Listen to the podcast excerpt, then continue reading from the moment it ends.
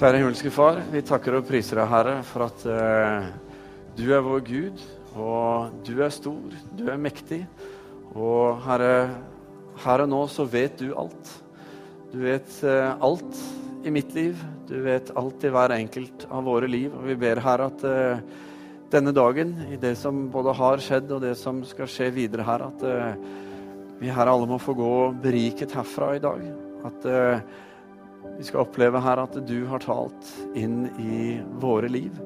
At du har uh, tjenestegjort for oss. At du har uh, latt oss få se, Herre, at du ser oss.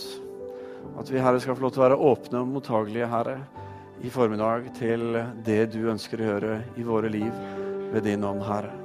Så Herre, velkommen skal du være. Kom du, og la din vilje skje. Det ber vi, Herre, i Jesu navn. Amen. Hei, alle sammen. Velkommen til eh, gudstjeneste her i Misjonskirken. Eh, veldig kjekt å se dere. Veldig kjekt å skulle få lov til å være sammen med dere her i formiddag. Og ikke minst så er det kjekt å se en god gjeng med mennesker som eh, er med og brenner for Misjonskirken. Som er glad for det vi har her, og som har lyst til å være med og skape noe veldig godt, en god plass her som skal være så god som mulig for så mange som mulig. Best mulig for flest mulig, det er eh, et motto som vi har eh, snakket mye om i stab og i lederskapet i menigheten. At det er noe vi ønsker for menigheten vår. Eh, og vi håper det skal smitte over på flest mulig på selvfølgelig en best mulig måte. Er du her for første gang i formiddag, så har jeg lyst til å si takk for at du valgte å komme hit i formiddag. Eh, håper at eh, det skal bli en god opplevelse for deg, enten du kom frivillig eller eh, var høflig og ble med eller ble tvunget med. eller hvordan det nå er. Jeg håper du skal få oppleve at eh, dette er et sted du kan slappe av. Du kan kose deg og ta imot. Og hvis det ikke er helt det du trengte i dag, så kommer det kaker etterpå. og Det er jo en trøst. Så jeg har også lyst til å si velkommen til deg som lytter eh, til talen via Internett gjennom podkast, som det heter. Eh, kjekt at eh, dere er med og lytter. Håper kanskje vi kan ses eh, neste søndag. Og så har jeg bare lyst til å beklage til dere som følger fast med der, at eh, forrige søndag der hadde vi en teknisk feil som gjorde at den talen ikke ligger ute. I dag skal vi fortsette på prekenserien som Alexander, ungdomspastoren vår, startet sist søndag. Serien som vi har kalt 'Godt gjort' eller 'Helliggjort'. Dette er en serie om uh, hvordan vi som kristne skal få lov til å leve livet. På hvilket grunnlag vi skal få mest mulig ut av det som Gud har gjort for oss. Det han kom for å gi oss i Jesus. For Poenget er, og som Bibelen ønsker å formidle, og som denne menigheten og de andre menighetene i byen handler om, det er å la oss få lov til å oppdage og se at Gud har gjort alt i sin makt. Han har gitt oss det beste han kan gi oss, det beste utgangspunktet for det livet som han også har gitt oss. Og så inviterer han oss alle til å utforske det, til å lære han å kjenne og til å få del i dette. Men som Alexander også poengterte sist søndag, så er det sånn i det kristne livet at man kommer en eller kanskje flere ganger til et punkt hvor man lurer på eh, hva nå? Altså, nå har jeg gjort dette en stund, eller prøvd dette, og så hva nå? Hva skjer nå, liksom? Og Der kan det være vanskelig å vite helt hva som er riktig, eller hvordan en skal gjøre det. Eh, vi skjønner på en måte at Gud inviterer oss inn i noe. Men hva er det jeg skal gjøre? Og hva er det Gud gjør? Og I dag er det denne prosessen som vi skal snakke om. Og I jakten på disse svarene så er det mange av oss som aktiviserer oss. Det vil si, vi står på for å gjøre det som eh, på en måte bare må være riktig å gjøre. Vi på en måte kjemper så godt vi kan for det som vi føler er viktig og bra. Eh, andre av oss blir passifisert. Vi skjønner ikke helt hva vi skal gjøre, eller hvorfor vi skal gjøre det. Så vi velger på en måte bare å eh, se det an, ikke gjøre så mye med det. Mens andre igjen prøver å leve litt med denne usikkerheten. Gjøre så godt en kan. Og, men ikke kanskje helt føle seg helt trygge på at det funker eller nytter. eller blir sånn enn en kanskje hadde tenkt det skulle være. Og så er det sånn at Underveis så former vi også litt dette kristne livet og hvordan ting er. På samme måte som eh, Ja, her er du, mor. Men eh, da jeg var ung og fikk brev med hjem, så lærte jeg meg at eh, å gå til mamma med det brevet, det var det lureste. Fordi eh, hun var mildere. Og så var hun lettere å diskutere med. Lettere å forme. Sånn gjorde at eh, det gale jeg hadde gjort, ble ikke så gærent allikevel. Eh, og så fikk jeg en signatur uten for mye straff. Pappa han var ikke så flink å forme, så takk, mamma. Det skal du ha.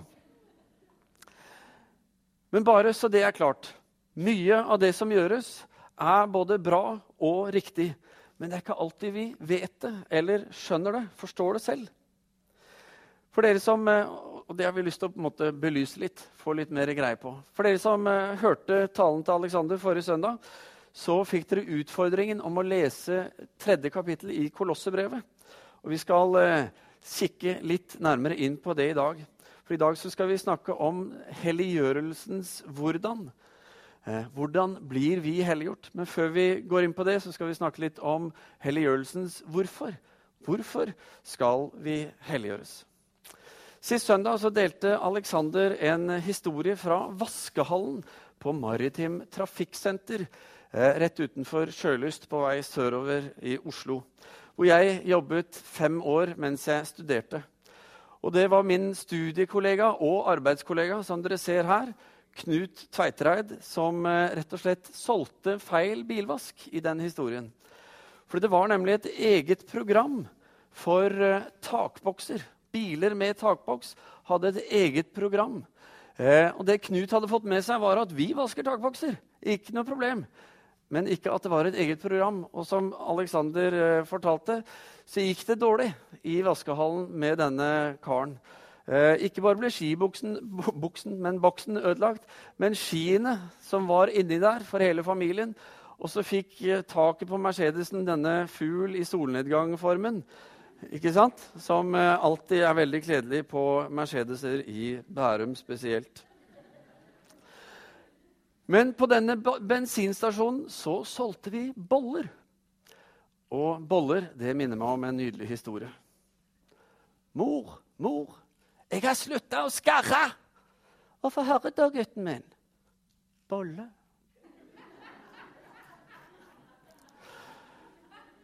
Vi solgte boller på denne bensinstasjonen. Og disse bollene de fikk vi levert frosne. Og jobben vår var, etter hvert som behovet for mer boller var der, det var jo å fylle opp eh, stekebrett med frosne boller og sette de inn i et dertil egnet skap inne på kjøla.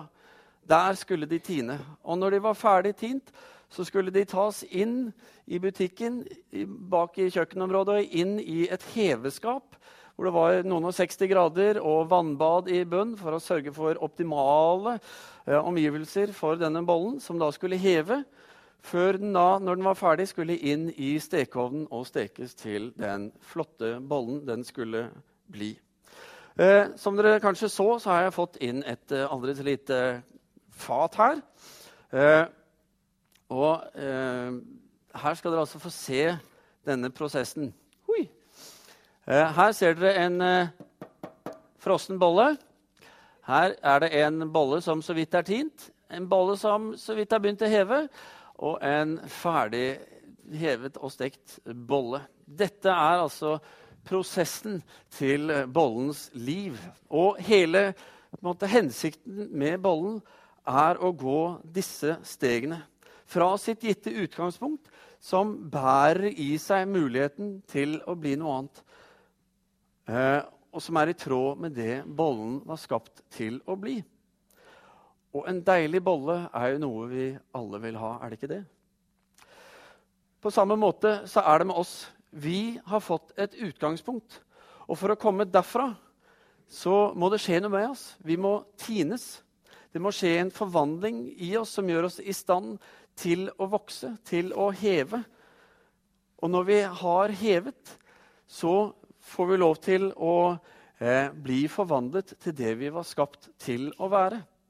Og siden en deilig bolle er noe som alle vil ha, så er det fine med oss mennesker at vi kommer i flere varianter. For noen av oss er jo glutenfrie, noen er uten egg, og noen er uten melk osv. Så, videre. så det er noen boller for alle. Men la oss nå se på dette utgangspunktet vårt. Bibelen lærer oss at da Jesus døde på korset, så døde han for å ta vår plass. Altså Han gikk inn i vårt sted. Og for å kunne gjøre det fullt og helt, så ble han ett med oss. Vi ble ett med han, som betyr at når Jesus døde på korset, så døde vi med han. Og når Jesus den tredje dag blir reist opp igjen fra de døde, så blir vi reist opp igjen med han.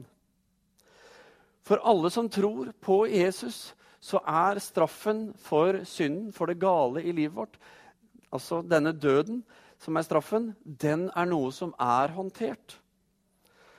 Det gamle livet er tatt hånd om, og vi får lov til å leve et nytt liv med nye premisser. Det er det Jesus kom for å gjøre.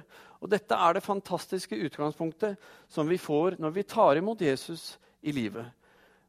Troens gradvise fremvekst i oss, eller denne tiningen, som vi kan kalle det, er det som gjør oss åpne for Jesus i våre liv.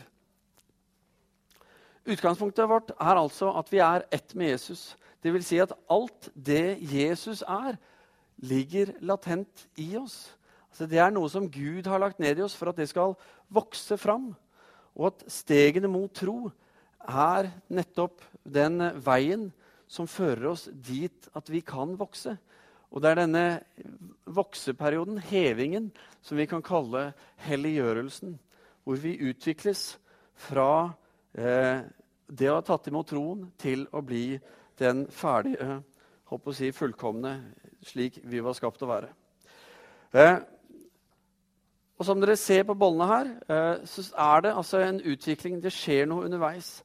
Og helliggjørelse, det er det som skjer i heveskapet. Eh, og hva du vil kalle heveskap i livet ditt, det skal ikke jeg diktere for deg. Men jeg tror at Gud har gitt oss menigheten med en hensikt. Og jeg tror at det fellesskapet som vi kan ha i menighet, og eh, det vi får fokusere på sammen, tror jeg er en viktig del av denne prosessen. Fordi det er her vi skal vokse, det er her vi skal modnes. Det er her Jesu egenskaper skal få lov til å bli utviklet og vokse fram i oss. Og dette er det bare Gud som kan gjøre ved sin ånd inn i våre liv. Eh, og siden Gud er hellig, som Bibelen lærer oss, og siden det er Hans sønn som er utgangspunktet, og det er ved Den hellige ånd det skjer, så kalles det også en helliggjørelse. Altså man blir gjort hellig. Eh, Alexander sa forrige søndag at eh, helliggjørelse er en livslang prosess mot det å bli mer og mer lik Jesus. Eh, det vi ser i Jesus, skal få lov til å vokse fram i oss. Hans måte å møte mennesker, håndtere problemer, hans måte å gå inn i situasjoner på, osv., osv. Eh, Paulus understreker dette i eh, Kolossebrevet 3, vers 12, som vi leste sist, hvor det står Dere er Guds utvalgte, helliget og elsket av Han. Vi er utvalgt i Kristus. Det vet vi pga. at vi er blitt ett med Han. Og så er vi helliget og elsket. Og det er denne sannheten annet, som vokser fram i oss i helliggjørelsen. Vissheten om hvem vi er i Kristus. Eh, at vi er utvalgt, helliget og elsket, er kanskje, eh, for deg som har litt sånn teologisk tilsnitt, er kanskje på en måte Guds treenige måte å si det er deg. Yes, Det er deg det handler om. Det er du som er utvalgt. Det er deg jeg har helliget. Det er deg jeg har elsket. Fordi vi er utvalgt av Gud. Vi er helliget i Jesus, og vi er elsket gjennom Den hellige ånds gjerning i våre liv. Og det er litt av et heveskap. Det er bra, et godt sted å være. Så Gud har gjort klar for oss eh, dette. Og hele prosessen som helliggjørelse er, det forløses gjennom vår tro. Noen ganger kan det være krevende, dette med tro. Og vi kan synes det er vanskelig fordi det føles som at tro handler om å være en flink kristen. Vi ser hva andre får til, og så sammenligner vi oss med dem. Og så mister vi det store bildet, fordi de aller fleste av oss er ikke flinke kristne. Men det ser sånn ut på noen av oss av og til. Og så går vi i sammenligningsfellen som vi er nødt til å slutte å gå i. Sammenligning blir nesten som en demon som binder oss og hindrer oss. Poenget er ikke at vi skal bli som de andre eller gjøre det som de har gjort. Men vi må gjerne la oss inspirere av hva andre har gjort. Og det er jo der Jesus er eksempelet for oss, for å vise oss hva han har gjort. og oppmuntre oss til å leve sånn. Men det må alltid få lov å handle om hva Gud gjør i deg.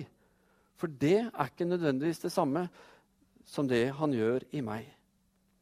Når Gud får virke i oss, når han får påvirke oss og forme oss, så skjer det noe i livene våre.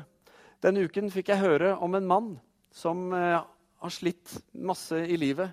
Han har slitt med relasjonene sine, kommet bort fra familie og barn. Han, eh, og det handler mye om alkoholproblemet hans eh, og alle de konsekvensene som kommer av det. Men så er det en dame i livet hans, en bekjent, ikke som han kjenner spesielt, etter hva jeg forsto, men en dame som en dag kommer til han, og så sier hun, 'Kan jeg få lov å begynne å be for deg?' 'Jeg har lyst til å be for deg hver dag.' Og Så sier han, 'Det er greit.' Og så er det at når, begynner, når hun da begynner å be i sine bønnestunder eh, hjemme si, for seg, så skjer, begynner det å skje noe i denne mannens liv som gjør at eh, fra i vinter, hvor dette skjedde, i februar ca., så har han eh, fått lov til å gå alkoholfri. Han har eh, begynt å ta seg sammen. Han har begynt å eh, vise at han kan leve et annet liv. Han har fått kraft til å kjempe seg tilbake til det livet som han egentlig hadde. Han eh, jobber for å få kontakten med barna igjen og få reparert disse relasjonene som er ødelagt. Og så er det sånn at eh, Det kan man jo forklare sånn, slik og så, men poenget er at både han og familien rundt han, altså de som har vært eh, plaget av denne brutte relasjonen, de eh, ser og er på en måte at her har det skjedd noe. Altså, de er litt sånn god, gammeldags, nytestamentlig forundret over det de ser. Og så sier de at det må være en sammenheng mellom denne kvinnens bønner og det vi ser skje i livet hans. Dette er noe av det Gud gjør, og som han lengter etter å gjøre i våre liv. Han ønsker at vi skal få del i det beste. Han ønsker at våre relasjoner, at våre liv, at våre tanker, våre følelser og alt dette skal få lov å bli best mulig. At vi skal få se våre liv i hans liv.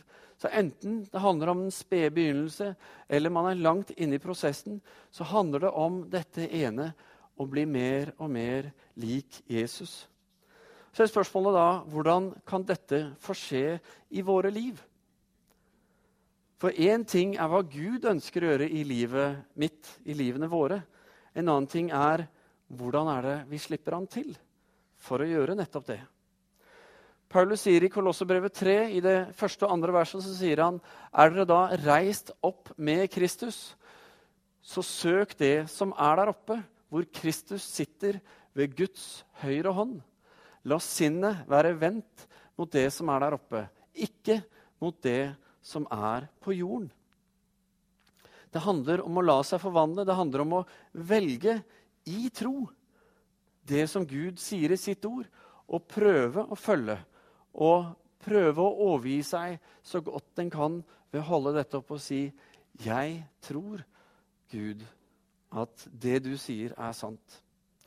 Så vet vi alle at eh, hverdagen den er fylt med mye rart. Den er fylt med ting og personer som er bra for oss, og ting og personer som kanskje ikke er så bra for oss. Det kan være ting vi trives med, men det er ting som eh, ikke alltid leder oss nærmere Jesus. Det kan være ting eller personer som eh, opptar oss i en sånn grad at det fjerner fokuset vårt fra Jesus. Eller kanskje til og med som eh, binder oss og hindrer oss i å i det hele tatt eh, komme nær til Han. Og dette begrenser det som Gud ved sin ånd ønsker å gjøre i oss. Det hindrer oss i denne helliggjørelsesprosessen. Målet det er å bli som Jesus. Jesu liv er et eksempel på det livet vi skal få lov til å leve, som sagt.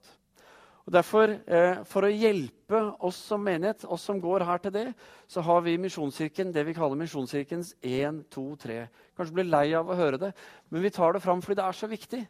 Fordi vi sier for det første 'kom på gudstjenesten'. Og Gjør det til en vane å komme på gudstjenesten, gjerne hver søndag. Og Får du det ikke til, så få det med deg på nettet via podkast. Du må ikke, men gjør det fordi det er bra for deg. Bli med i en gruppe, sier vi for det andre. Fordi det er noe med det å dele tro og liv med andre mennesker som er med på å hjelpe oss med fokuset. Så sier vi for det tredje tjen andre. Fordi Gud har lagt noe ned i oss, gaver og evner som vi skal få lov til å bruke. Og gjennom det også få lov til å se mer av hva Han har gjort i våre liv. Og så må det ikke skje i den rekkefølgen, men disse tre tingene tror vi er en viktig hjelp for oss til å få fokus på Jesus i vår hverdag. Sammen med bibellesning og bønn så tror vi at dette er et veldig bra redskap. I vers 5 i Kolosserne 3 så sier Paulus videre.: La da det jordiske i dere dø. Hor, urenhet, lidenskap og ondt begjær og grådighet, som ikke er mer enn avgudsdyrkelse. Høres det kanskje litt sånn fjernt og borte ut? Eh, men alt som tar Guds plass i våre liv, kan fort få status som en gud. Altså I den forstand at det tar Guds plass og blir en avgud. Om ikke vi tilber det i religiøs, rituell forstand, altså sånn der, ho, ho, inn der klokken 11 hver dag, eller et eller annet, så er det sånn at eh, det handler om Tilbedelse handler om å gi oppmerksomhet. Tilbedelse det handler om å la seg prege av. Og jo mer vi vier noe oppmerksomhet, jo mer vi lar oss prege av det, jo mer blir det en tilbedelse ut av det. Og så er det mange slike faktorer i livet vårt. Noen er store, noen er små. Det kan være en blogg som vi bare syns er fantastisk, og som opptar oss, og som vi har lyst til å følge, og bare alt er kult. Det kan være en person, kjendis eller et eller annet. Det kan være en eh, livsstil som vi bare syns er fantastisk. Det kan være en holdning eller holdninger i livet. Det kan være en substans, et stoff, som vi bare ikke får nok av, og som vi blir avhengig av. Det kan være TV med alle dens uendelige mengder av serier og ting som vi kan følge med på. Det kan handle om utelivet i helgene. Det kan handle om å sitte hjemme og spille dataspill og game, liksom, som utrolig mange gjør om dagen. Særlig av den yngre generasjonen. Men utfordringen er at alt det som ikke er av Gud, kan fort påvirke oss og flytte oss vekk fra Gud. Og hindre at Gud får gjøre sitt verk i oss. Og Dermed så erstatter det hans plass i våre liv, og så er det det vi gir oppmerksomhet. Det er det vi til slutt tilber. Og Jeg sier ikke at alt er galt. Eh, det kan høres sånn ut, og det er absolutt ikke meningen. Men jeg har lyst til å bare løfte fram det Paulus sier i 1. Korinterbrev. Hvor han i kapittel 6 sier jeg har lov til alt, men ikke alt tjener til det gode. Jeg har lov til alt, men jeg skal ikke la noe få makt over meg. Og Så sier han også i kapittel 10 jeg har lov til alt, men ikke alt tjener til det gode. Så sier han jeg har lov til alt, men ikke alt bygger opp. Vi har fått en frihet, men spørsmålet er hvordan forvalter vi den friheten? Og Her er det vi trenger å bli flinke til å skille hva er det som er fra Gud, hvor Gud ønsker positivt å påvirke oss. Og la oss få vokse og bli mer del av det han har for oss. Ligne mer på Jesus. Hva er det som tjener til det gode i livet vårt? Og hva er det som hindrer oss? Hva er det som binder oss? Hva er det vi trenger å ta et oppgjør med? Og Hvis vi skal bare ta dette grafisk, noen liker det grafiske, så kan vi si at Målet er å gå fra meg over til å bli mest mulig lik Jesus. Og så ser det jo veldig enkelt ut med en sånn rett stripe. ikke sant? Men sannheten er jo at dette går opp og ned og hit og dit og fram og tilbake og rundt omkring. For sånn er vi mennesker. Men likevel er dette som døperen Johannes snakket om i Johannes 3, hvor han sa han skal vokse, og jeg skal avta. Det er dette som er essensen i helliggjørelsen. Så er spørsmålet har du noe i ditt liv som du trenger å ta et oppgjør med. Noe som stjeler Guds fokus i din hverdag. Da har jeg lyst til å oppfordre deg til å bekjenne det. Sett ord på det. Si det til noen. Enten du velger etterpå eh, å gå i bønnerommet og si det til en av forbederne våre, og dere sammen ber om at du skal bli løst fra det, eller du tar det med en venn eller en leder eller en av oss pastorene som jobber her, eller hvordan, det vet jeg ikke. Men jeg tror det vi setter ord på, det vi eh, sier sannheten om, det tar vi kontroll over. Vi gir rett og slett ikke lenger kontrollen til det ved å bare tenke at dette ordner vi på vår egen måte. Ja, dette lar seg sikkert ordne på en eller annen måte. Men nå, eh, sammen be og binde det i Jesu navn for at vi skal bli løst, er noe som Bibelen snakker om. I Matteus 18, vers 18 så sier Jesus, 'Sannelig, jeg sier dere:" Alt dere binder på jorden, skal være bundet i himmelen. Og alt dere løser på jorden, skal være løst i himmelen. For vi har fått del i den samme kraft som Jesus hadde. Vi har fått den autoriteten som Jesus hadde i det åndelige, til å bryte mønstre, til å bryte ting og eh, løse ut, slik at eh, det Gud ønsker å gjøre i våre liv, skal få skje. Fordi er det noe den onde ønsker, så er det å stanse denne helliggjørelsesprosessen. Det er å hindre den. Det er å gjøre sånn at vi ikke våger å si 'ja, jeg er helliggjort'. Fordi vi tror det handler om oss, men så handler det om hva Gud har gjort i oss. Og så handler det om at vi sier 'ja, det tror jeg på'. Jeg tror at det er sant at det Jesus gjorde for meg, holder.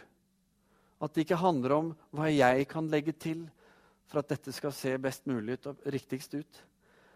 Vi kan være frimodige, folkens, og si ja, jeg tror. Og fordi jeg tror, så er jeg i en helliggjørelsesprosess. Og den ser sånn ut i mitt liv. I går så ba jeg ikke, men i dag så rakk jeg å be fem minutter. I morgen har jeg lyst til å be de halvtimen, den halvtimen som jeg prøver hver dag. ikke sant? Det handler ikke om et glansbilde, men det handler om å søke Gud. Det handler om å åpne øynene våre, horisonten vår, perspektivet vårt for hva Gud kan gjøre. Så la oss ikke begrenses av vår oppfatning av hvor andre mennesker måtte være. At vi tenker nei, han er nok ikke klar for å tro. Han, hun kan nok ikke bli helliggjort. For se åssen hun lever. Overlat det til Gud. Be for å velsigne disse menneskene. Det er det vi er kalt til. Og det samme gjelder for oss selv. Vi har så lett for å si at 'nei, det er ikke godt nok, det jeg har'. 'Nei, jeg kan nok ikke bli helliggjort'. Min tro Ja, jeg prøver, men Ikke sant? Ikke la det begrenses av det du selv har lyst til å få til, men overlate til Gud, sånn at han får gjøre det han kan gjøre best. Ingenting er umulig for Gud, og ingenting er umulig for den som tror på Han. Det er det Bibelen forteller oss, og dermed utfordres vi til å leve i tro på at dette er sant. På at det Han har gjort, holder. Ikke på at det jeg skal klare å få til, er godt nok. For det er det fordi jeg valgte å tro, fordi jeg valgte å si at Jesus, det du gjorde for meg, det er sant. Den straffen du tok, den er gyldig jeg får lov å stå fri, ren og rettferdig. Og det vil jeg strekke meg etter, for det sier Bibelens ord. La oss avslutte med å lese sammen tre vers fra Filipperne 3, hvor Paulus sier for så vidt om dette. Han sier, 'Jeg mener ikke at jeg alt har nådd dette, og alt er fullkommen.' Men jeg jager fram mot målet for å gripe det, fordi jeg selv er grepet av Kristus Jesus. Mine søsken, sier han, jeg tror ikke om meg selv at jeg er grepet, men én ting gjør jeg. Jeg glemmer det som ligger bak, så strekker jeg meg etter det som ligger foran. Og jager fram mot målet, mot den seiersprisen som Gud fra det høye har kalt oss til i Kristus Jesus. Jeg glemmer det som ligger bak, og så strekker jeg meg etter det som ligger foran. For Med en gang jeg fokuserer på det som ligger bak, så forstyrres perspektivet. så klarer jeg ikke å se det som ligger foran, det Jesus har gjort. Skal vi be. Kjære himmelske Far, jeg takker og priser deg, Herre, for at uh, det er ingenting vi kan gjøre, Herre, annet enn å si 'jeg tror'. Jeg tror, Jesus, at uh, din død og oppstandelse er min død og oppstandelse. Og at pga. at uh, du tok min straff på deg, så kan jeg få lov til å si at jeg tror på det. Og så får jeg lov til å leve i den troen. Jeg får lov til å velge troens ord. Jeg får lov til å velge det som står i Bibelen. Så får jeg lov til å erfare at dette er sant i mitt liv. At du forvandler, at du skaper noe nytt. At eh, egenskapene, karakteren til Jesus vokser fram. At eh, kraften som han hadde, blir kraften min. At autoriteten han hadde, blir autoriteten min. At vi får lov til å leve og bli det vi var skapt til å være. Herre, takk for at eh, du ikke står og måler oss og sier 'nei, nå burde du vært', og sånn og sånn. Men Herre, du lengter etter å bruke enhver anledning du får til å komme inn med din ånd og forme oss. Tale ditt ord om kjærlighet, at vi er elsket. Ditt eh, sannhetens ord om at vi er utvalgt, at du har helliget oss. Og at når vi får lov til å leve nær til deg, når vi slipper deg inn i våre liv, så kommer du, og så ønsker du å helliggjøre oss. Gjøre oss mer og mer lik deg, Herre. Og så takker vi deg for den sannheten som vi ser i Bibelen, Herre. At uh, der Jesus var, der var det masse mennesker. At uh, det Jesus sa, det var noe som rørte ved mennesker i hans tid, Herre. Og vi ber om at uh, det samme skal skje med oss, Herre. At vi skal bli rørt. Og at ditt liv gjennom oss skal være noe som andre mennesker skal få se. Og se er sant, Herre. La det ikke handle om teologi, la det ikke handle om hvem som mener hva, eller hvem som gjør hva, Herre. Men la det handle om hva du har gjort, Herre. At vi skal få lov til å leve i det du har kalt oss til. At dette er av bare nåde, Herre. Det handler ikke om hva vi har gjort, annet enn at vi sier 'jeg tror'. Jeg skjønner det kanskje ikke, men jeg velger å tro. Gud, du er der. Jeg tror på deg. Og så vil du helliggjøre oss, Herre. Dette er noe du gir oss. Dette er noe du inviterer oss inn i. Og Herre, hjelp oss å ta imot. Hjelp oss å være frimodige. Og faktisk kreve vår plass ved helliggjørelsens bord, om vi kan kalle det det. Men bare si takk. Dette har du gjort for meg, Jesus. Her vil jeg være. Kom du, og la din vilje skje, Herre, i mitt liv. Takk for at du kjenner hver enkelt av oss, Herre. Herre, hjelp oss å be slike bønner. Hjelp oss å tro deg, hjelp oss å søke deg. Hjelp oss å sette ord på det som står i veien for deg. Hjelp oss å bekjenne det, binde det og løse ut, Herre, ditt liv, ditt rike, din sannhet. Vi ber i Jesu navn. Amen.